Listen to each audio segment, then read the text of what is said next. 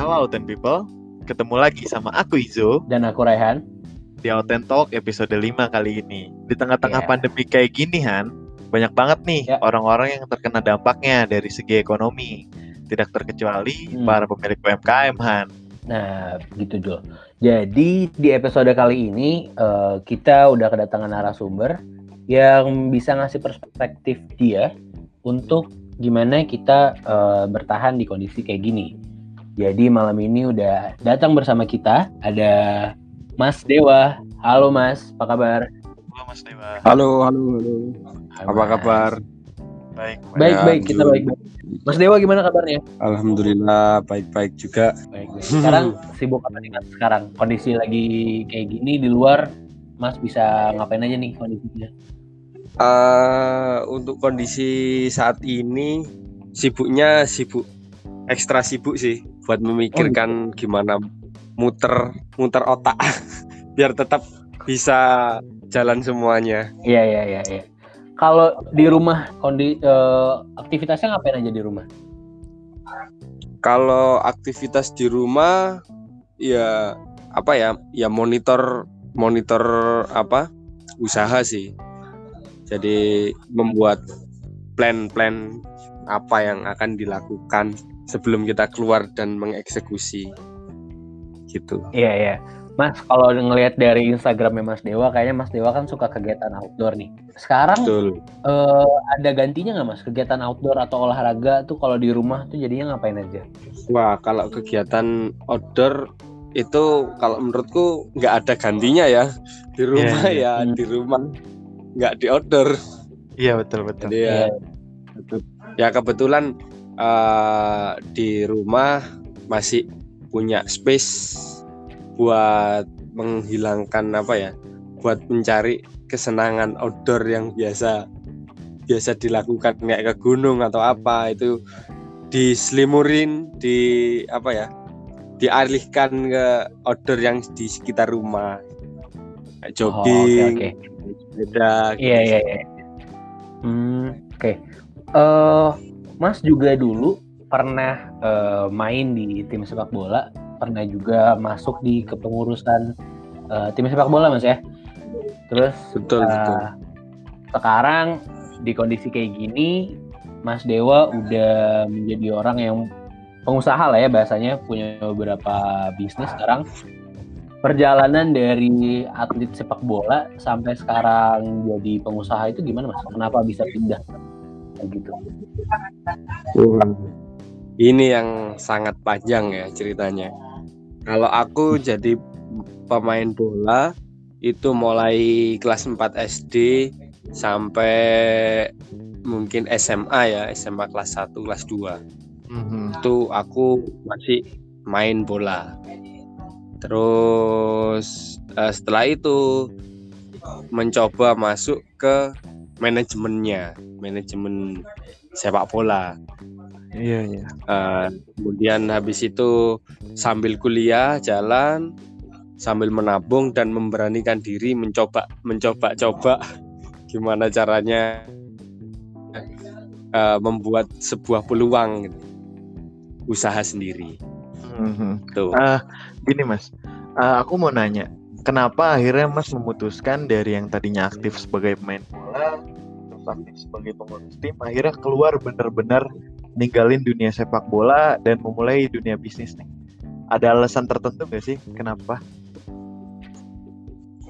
Em, apa ya sebenarnya aku sampai sekarang itu masih cinta banget sama sepak bola Ah ya, tapi ya, kondisi yang ada sekarang itu juga eh, tidak memungkinkan buat saya untuk kembali ke persepak bolaan. ah, Jadi ada ada hal-hal yang eh, memutuskan akhirnya oke saya sekarang break dari sepak bola dulu. Gitu. oh iya iya iya.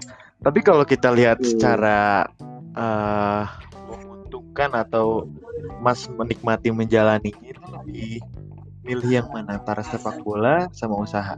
Kalau saya eh, sepak bola bisa dijadikan usaha juga sebenarnya. Nah, Tapi tuh? eh, skala usahanya di dalam lingkup sepak bola Hmm. itu udah sepak bola profesional yang buat orang-orang untuk usaha atau memutarkan uangnya di situ. Ah, nah. iya iya. Berhubung modal lagi modal saya sendiri itu nggak punya, ya kan? Hmm. Nah itu akhirnya kan eh, apa yang mau diputar gitu. Selain eh, kalau kemarin kan ikut di manajemennya, ada bosnya, dan akhirnya bisa memutar, eh, ikut membantu memutar keuangannya segala macamnya. Tuh, nah sekarang apa yang mau diputar ketika sudah nggak ada bosnya dan segala macamnya, timnya sudah dijual, nah mau gimana? Oh iya iya iya. Kalau kita lihat, kalau nggak salah terakhir tuh Mas di Perseru ya. Ya betul sekali. Ketika Perseru udah dijual, apakah Mas nggak ada pikiran buat pindah gitu ke tim lain? Entah sebagai bagian dari manajemennya atau sebagai pemain. Atau lanjut ke Um, tim yang lanjut ya mas, yang tadi eh, ke tim yang ngebeli perserunya itu. Kenapa nggak mau lanjut ke sana aja gitu? Eh, sebenarnya banyak sih itu problem internal di tim. Nah, saya memutuskan kebetulan kan saya dengan ayah saya. Nah, kami berdua itu memutuskan untuk tidak lanjut di tim Perseru yang dijual ke orang lain karena ya memang orang lain ini ndak ada ndak kenal dengan kita juga ndak punya hubungan apa-apa sebelumnya eh, ibaratnya kita menjalankan sepak bola ini dengan apa ya selain eh, kita merasa ada eh, ikatan entah apa kayak saudara walaupun orang lain tapi sudah jadi semacam saudara kalau Oh iya iya. tim baru dijual ke orang lain nah, kita nggak ada ikatan emosional sama sekali dan akhirnya Oh. kita nggak nggak bisa nggak bisa apa ya nerima gitu loh Hmm, hmm, hmm, hmm. tuh Oh, Oke. Jadi kalau dari yang Mas sudah cerita, tadi saya nangkep kalau keputusannya Mas pindah dari industri sepak bola atau olahraga ke untuk bikin usaha sendiri lebih karena urusan personal Mas ya. iya Nah. betul banget Hmm, pertanyaan saya selanjutnya untuk Mas Dewa sendiri eh, mulai bisnis itu pertama kali kapan Mas? Kalau saya mulai usaha itu kalau diurutkan dari yang sudah-sudah itu mulai dari saya SMA itu saya juga suka suka main motor. Nah itu saya coba eh, mencoba untuk memutar uang saya di situ. Pernah. Jadi eh, cari spare part sepeda motor terus dari daerah sini terus saya jual ke daerah sini Hmm, Nah, seperti itu pernah. Mungkin bertahan setahun, setahun bertahan, akhirnya akhirnya capek, udah capek, udah main motor lagi. Nah, itu akhirnya lebih fokus ke sepak bola lah. Sepak bola juga eh, pernah eh, apa? membantu temen buat membangun brandnya. Ya Hmm. ada dua sih itu junior sport hmm. itu di Solo itu teman UB an- eh, eh, alumni UB yang Iya. kebetulan juga UASB terus punya aparel terus aparelnya aku masukin di Perseru terus akhirnya semua develop bahan apa segala macam saya request terus saya kasih contoh saya ajarin ini gini gini gini gini akhirnya jadi aparel dua tahun Iya, iya. Mhm. Berarti Mas Terus- udah mulai bisnis semenjak masih berkarir ya? Masih main bola Iya juga? Heeh. Ah iya. iya. mulai dari jualan spare part, Hmm. jualan kaos retail Pernah juga tuh? pernah juga. Oh. Tapi Nah, gini Mas, bikin ketika kita Ya. ngomongin sepak bola sama usaha itu kan dua hal yang sangat-sangat mungkin berbeda ya. Nah, apa yang bikin Mas bisa optimis buat ngejalanin usaha coffee shop dari tadinya backgroundnya sebagai sepak bola? nah ini ada perjalanan sendiri sih sebenarnya. Gimana tuh gimana tuh Kan Mas? ya em, kalau kita apa kalau ditarik ke belakang, Nah, memang uh, sepak bola itu juga sebetulnya ladang bisnis. oh mulai iya. da- aku aku belajar mulai dari uh, gimana ngait sponsor, Ah, gimana uh, perjalanannya aparel itu seperti apa, produksinya seperti apa. Itu juga bisnis. Terus sampai ke supporter itu gimana, merchandise-nya itu gimana, itu aku udah pelajarin semuanya sih. Nah, Oh iya itu iya. memang ladang bisnis besar. Terus eh, dari situ aku memutuskan untuk hal baru yang belum pernah aku geluti, belum pernah aku apa ya, aku tahu sama sekali Iya, yaitu iya, tentang dunia perkopian ini.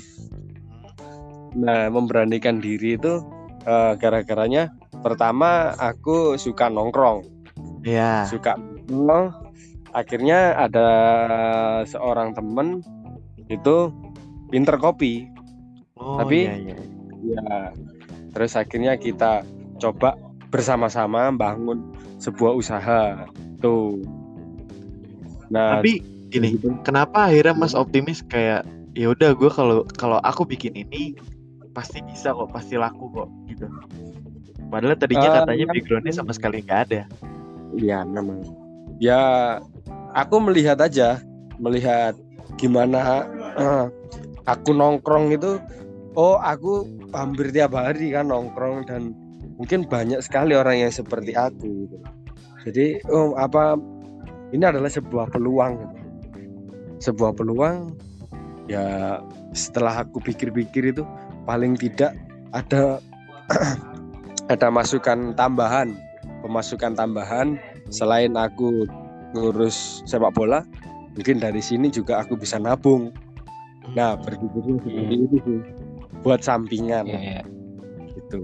Hmm, Oke, Mas, eh, kalau orang tua, mungkin Bapak ikut eh, atau Mas yang ikut hobinya Bapak di outdoor segala macam kayak gitu. Tapi kalau untuk sepak bola dan bisnis, orang tua apakah emang dari dulunya eh, pernah jadi olahragawan atau dulu emang punya usaha di keluarga sendiri? kalau orang tua itu memang suka outdoor juga eh a- orang tua saya itu suka menembak Oke, Suka. iya, iya, iya. Ber- beberapa kali itu ya yang bawa atlet pon Papua Papua Papua gitu Mhm. Menembak gitu Iya, iya, iya. Berarti pernah ngelatih nembak juga orang tua.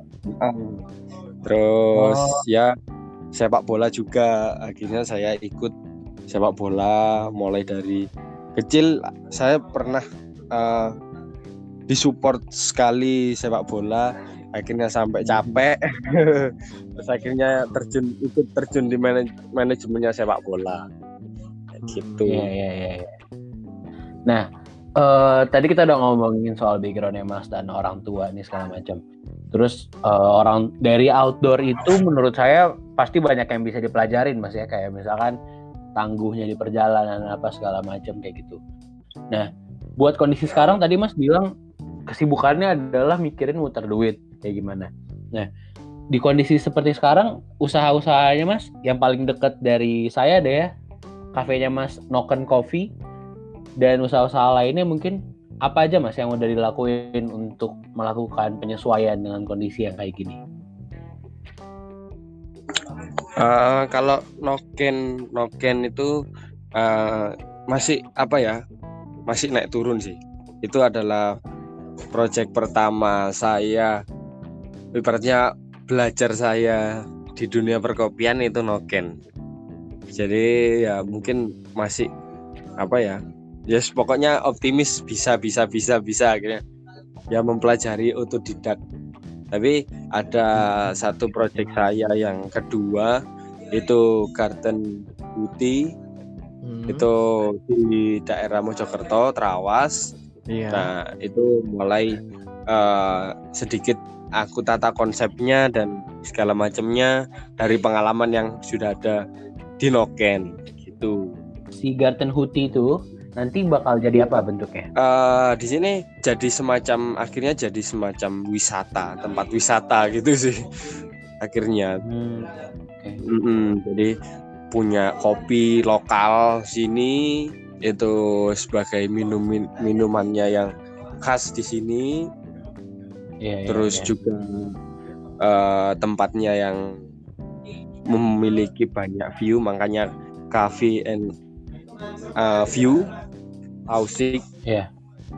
tuh gitu sih akhirnya ya Di bahasa mana nih yang dipilih untuk namanya Garden Huti? bahasa Jerman Jerman ya? bahasa Oh. Jerman iya Kenapa bahasa Jerman? karena pertama konsep bangunan awal konsep bangunan itu eh, dari daerah Rusia situ ya akhirnya kenapa kok saya milih Jerman karena saya nggak bisa bahasa Rusia atau bahasa eh, eh, apa ya bahasa Rusia itu nggak bisa terus yang paling Mhm. dekat adalah Jerman juga bangunan ini juga ada di daerah sana juga mirip gitu Iya, iya, iya, iya. Oh, oke, oke, kabin- oke. kabin gitu Mhm. gitu akhirnya milih bahasa sama Hmm. Ngejalanin beberapa usaha berbarengan gini di kondisi kayak gini susah nggak sih mas? Eh, di kondisi seperti ini ngejalanin beberapa usaha itu juga susah sih susah. Susah kalau dibilang susah. Kalau dibilang apa nggak susah juga nggak juga. Susah lah ya. susah sih susah. Karena memang mobile mobilitas kita sedikit terhambat terus juga eh, dari lingkungan juga eh, mungkin kondisi alam yang tidak mendukung juga membuat drop nah seperti Iya, itu iya. sih Gini mas, eh kayak yang tadi aku bilang di intro tadi nih, di situasi pandemi kayak gini pasti banyak banget kan dampaknya dari segi ekonomi. Sebagai contoh coffee shop pasti pengunjungnya nggak serame biasanya kan. Nah, kira-kira apa aja yang udah mas lakuin biar Noken ini bisa tetap survive gitu mas di tengah-tengah keadaan kayak gini. awal itu kemarin waktu rame-ramenya covid itu sampai eh, pegawai semua aku istirahatin aku jaga Mhm. sendiri sampai Iya. aku jaga sendiri tapi Mhm. sekarang udah mulai mulai aku tinggal lagi di Noken nah Oh. Nah, sudah mulai ada ada flow-nya sudah mulai terlihat. Oh, tapi iya, iya. tapi kurang stabil. Makanya ditunjang dengan promo ditunjang dengan promosi apa-apa gitu. Gitu sih. Itu yang bisa dilakukan untuk sementara ini. Karena eh, mau nge-up terus itu juga ya kesulitan di SDM juga. Kebetulan masih dua yang ada di Noken nah Ah, kebetulan iya, iya. akhirnya dua orang ini yang sering aku tinggal juga ya tinggal dua Hmm. orang ini mau Nah. di up terus kan kasihan juga ketika nanti daripada mereka kecapean Iya, iya, gitu. iya. Oke, ketika corona kemarin lagi rame-ramenya nih di Malang sampai nggak jarang lah orang yang mau keluar dari rumahnya. Noken itu eh, ngadain apa gitu mas? Kan kalau di tempat-tempat lain ada yang jual kopi literan atau dia bikin jasa delivery. Nah, kalau Noken Cafe ini ngadain apa gitu biar bisa tetap survive nih di tengah-tengah keadaan orang-orang pada nggak mau keluar rumah buat nongkrong-nongkrong dan lain-lain. Eh, pertama kalau produk Noken Hmm. pernah meluncurkan itu eh, espresso sama UHT itu jadi kayak liquid itu nanti diracik sendiri di rumah. Oh iya iya. itu itu kalau produk. Ah, cuman kalau eh, delivery segala macam kita cuman mengandalkan Gojek.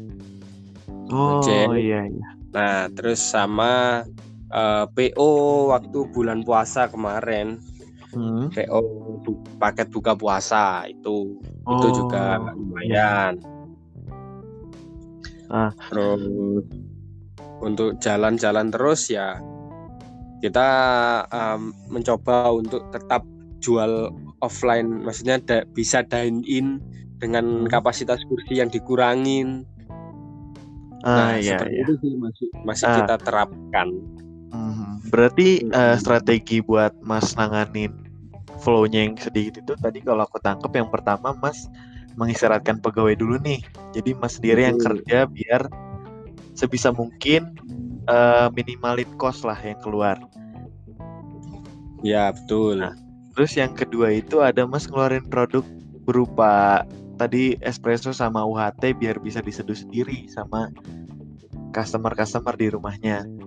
Dan betul ini yang ketiga kalau nggak salah aku pernah dengar Mas itu pernah eh, gimana ya untuk nge-support finansialnya dari Noken Mas itu ngeluarin atau kerjasama buat ngejual frozen food ya Mas Betul sekali. Nah, itu kemarin uh, frozen food itu juga salah satu bentuk dari kepusingan saya. Ini gimana caranya muter uang, muter uang akhirnya jual frozen food. Terus selain jual frozen food, akhirnya saya juga belajar roasting sendiri. Oh Nah, iya iya, cari iya. bin di petani, roasting sendiri buat nurunkan HPP-nya. Iya iya itu. iya. Nah, berarti tadi kalau dilihat eh, usaha-usaha yang Mas lakuin ini Mas itu cukup fleksibel mengikuti keadaan atau kondisi ya Mas. Iya, betul sih. Nah, bisa kira-kira kalau- itu. Kalau misalkan nih kejadian lagi di ke depannya kira-kira Mas sudah ada langkah-langkah preventif nggak? Buat jangan sampai Iya, kejadian lagi nih keuangan tersedat kayak gini. Gimana tuh mas? Eh, langkahnya ya ini kan di sini saya udah memegangi beberapa usaha frozen Hmm. food lah frozen food ini kenceng sekali ketika covid kemarin nggak ada orang orang datang apa segala macamnya semua Ah. terbaik frozen food Iya. nah frozen food ini kita jual di Tokopedia sama Shopee. Akhirnya eh, di situ rame terus rame terus. Ya itu lumayan. Nah Iya. kedai menyesuaikan. Kalau ada order aku dapat tambahan. Kalau nggak ada aku masih aman dari frozen food. Gitu. Berarti Jadi di Untuk- kondisi sekarang si frozen food ini lumayan nunjang mas ya? Kalau untuk sekarang kemarin berhubung ini sudah mulai jalan ya kedai dua-duanya itu agak goyang sih aku di frozen food karena kekurangan SDM juga. Nah baru satu minggu ini baru tertata lagi. Nah, mulai jalan lagi sendiri.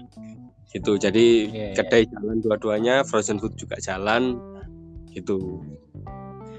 Untuk nabung sih. Jadi kalau di kayak gini, eh, tadi kan Mas bilang ngejalanin beberapa usaha berbarengan itu nggak gampang.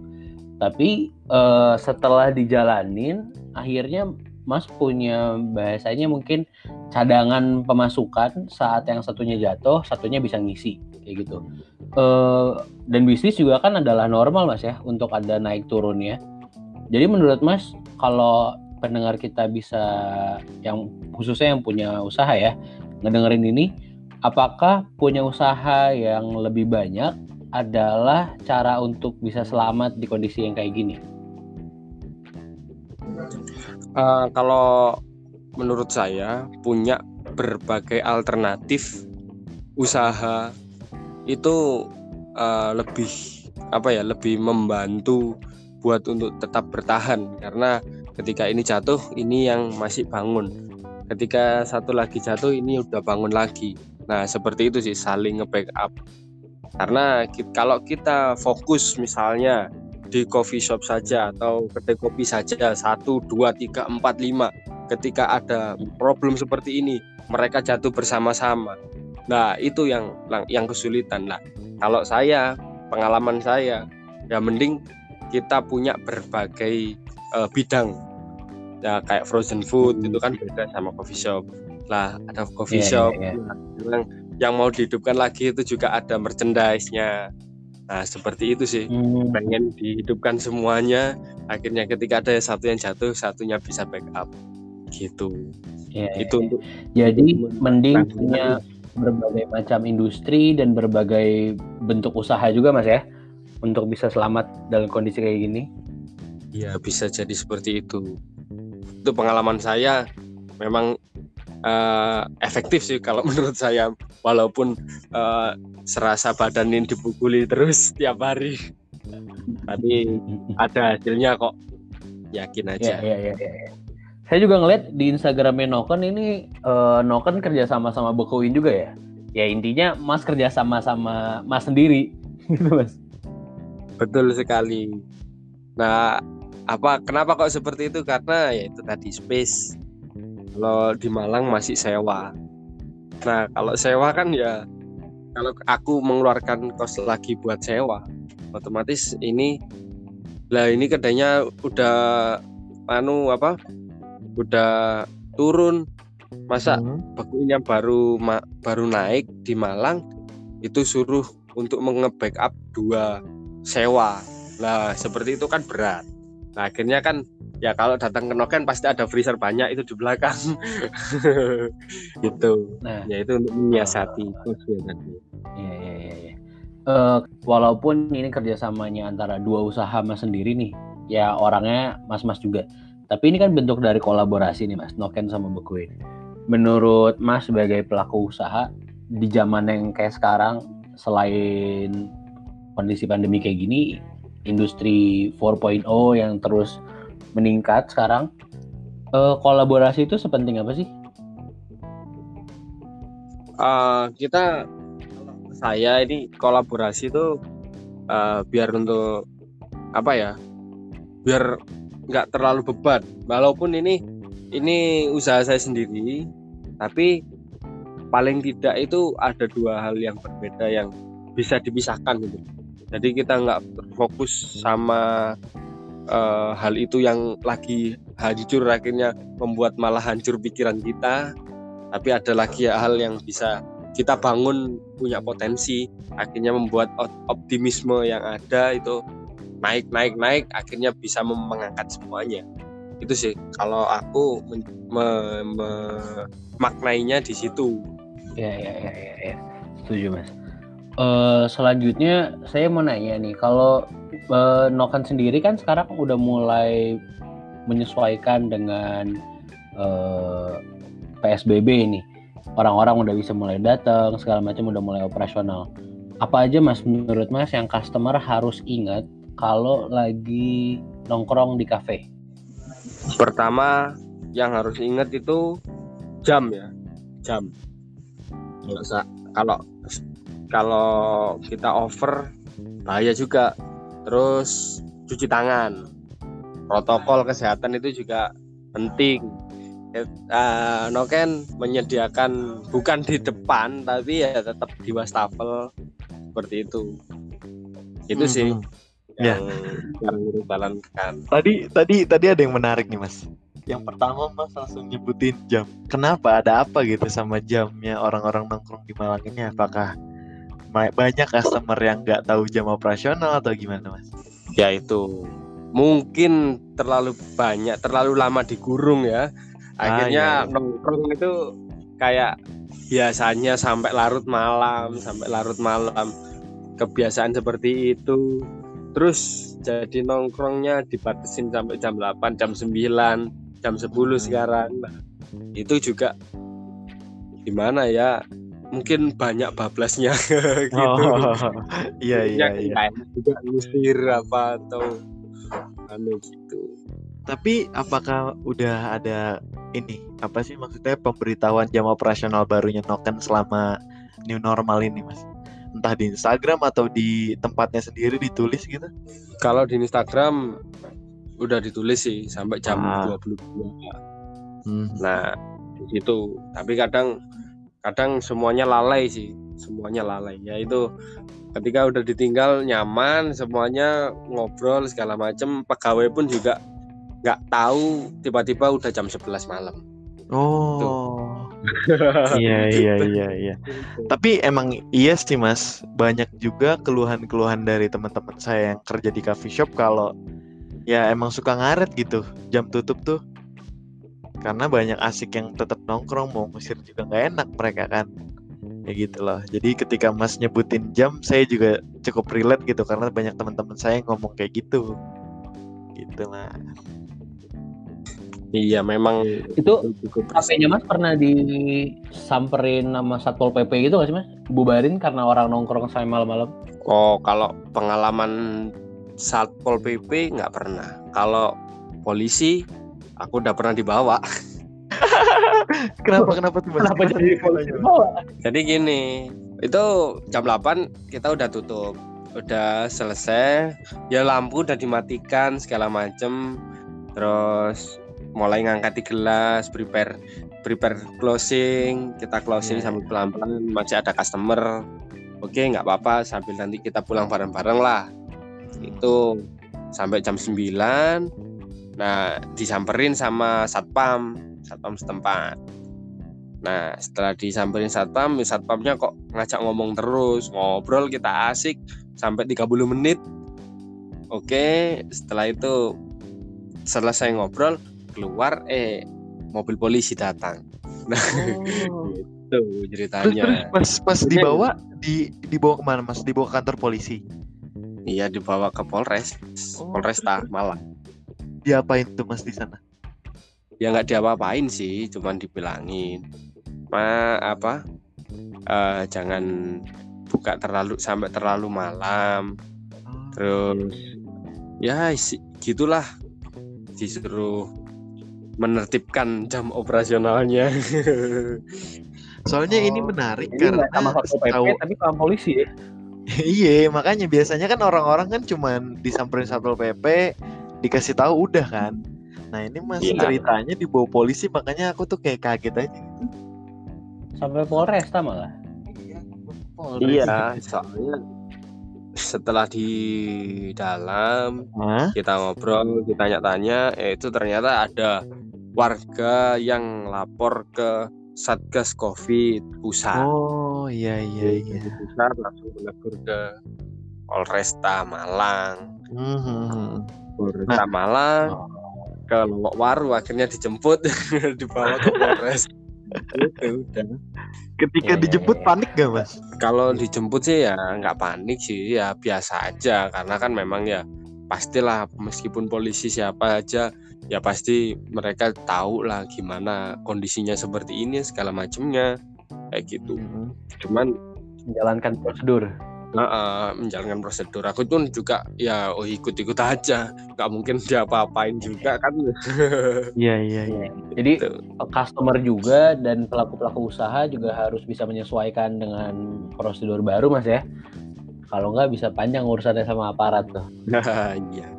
Nah, Ya untuk kemarin. Untuk saat ini iya, kayaknya benar. ya cukup protokol kesehatan, cuci tangan, udah Hmm. jaga jarak. Tapi kalau di Noken sekarang sudah ditutup banget, udah nggak bisa akses orang keluar masuk kan. Nah Ah, itu gitu. itu udah apa ya kita kita seakan-akan mati di situ udah jalannya muter apa segala macem tapi eh, akhirnya tidak mengganggu warga meskipun kita Hmm. buka kita buka sampai malam itu udah nggak mengganggu warga karena tempat kita di pojok terus kan Hmm, udah di iya, iya, portal iya. gitu.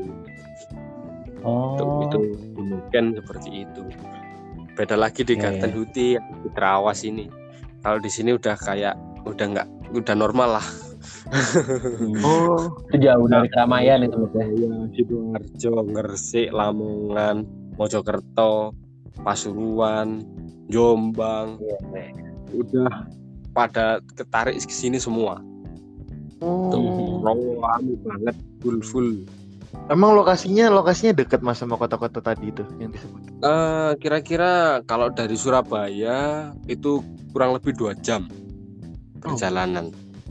Hampir sama dari kayak dari Malang sih sebenarnya. Hmm. Gitu. Ah, Cuman orang-orang Surabaya itu eh apa ya? Ya daripada ke Malang jauh, ya mending ke Trawas. Akhirnya kalau seperti kondisi seperti ini, itu sih. hmm, hmm, hmm. Tapi mas kalau aku lihat-lihat lagi nih bentuk bangunannya sama tempatnya, kayaknya aku familiar deh pernah lihat tempat ini juga di Jogja. Kayak ada gitu yang mirip-mirip kayak gini. Kalau nggak Eh, salah ya.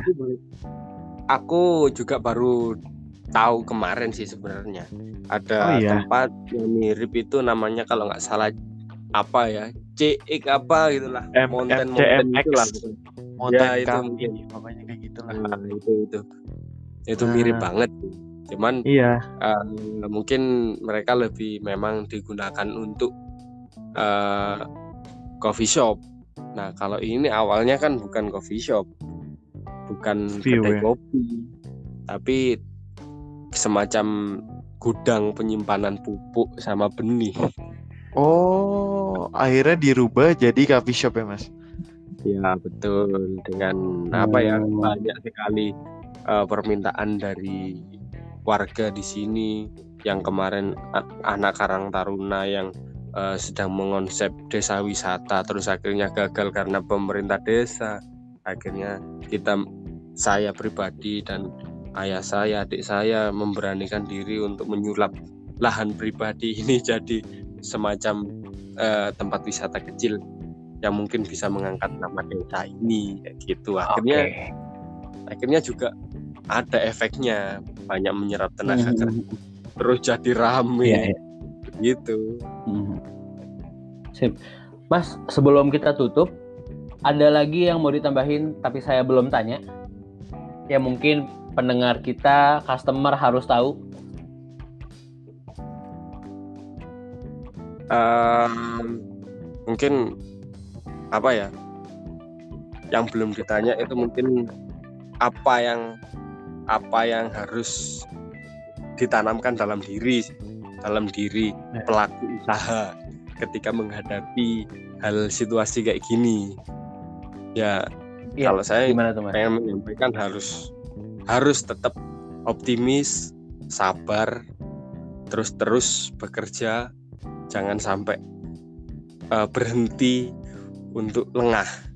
Karena ketika kita berhenti, kita nggak ngapa-ngapain sebagai eh, orang yang punya usaha itu pasti akan langsung jatuhnya berbulan-bulan. Kayak gitu. Kalau kita sedikit nggak bergerak kita akan tergerus. Jadi tetap Iya, iya, bergerak iya, iya. tetap optimis berdoa dan sabar. Ya, urusan harus punya inisiatif, Mas ya. iya urusan rezeki itu kan Tuhan yang menentukan. Kita tetap berusaha dan Siap. berdoa. Tuh Betul, betul, betul. Makasih banyak Mas Dewa atas waktu dan kesempatannya untuk ngobrol-ngobrol ini. siap siap sama-sama semoga bisa sharing-sharing kembali nanti Iya, iya. Iya, siap. Semoga kondisi makin baik, Garden Hute lancar, Bekuin bisa terus sustain, dan kita juga nanti bisa balik nongkrong lagi di Noken ya, Jul. Iya, betul. Nanti kita kunjungin tempatnya kalau udah normal. Siap, sekali lagi makasih Mas Dewa. Makasih juga teman-teman yang udah dengerin episode kali ini. Hmm. Aku Raffi Raihan. Dan aku Izo. Sampai jumpa di episode Alten Talk selanjutnya. Dadah.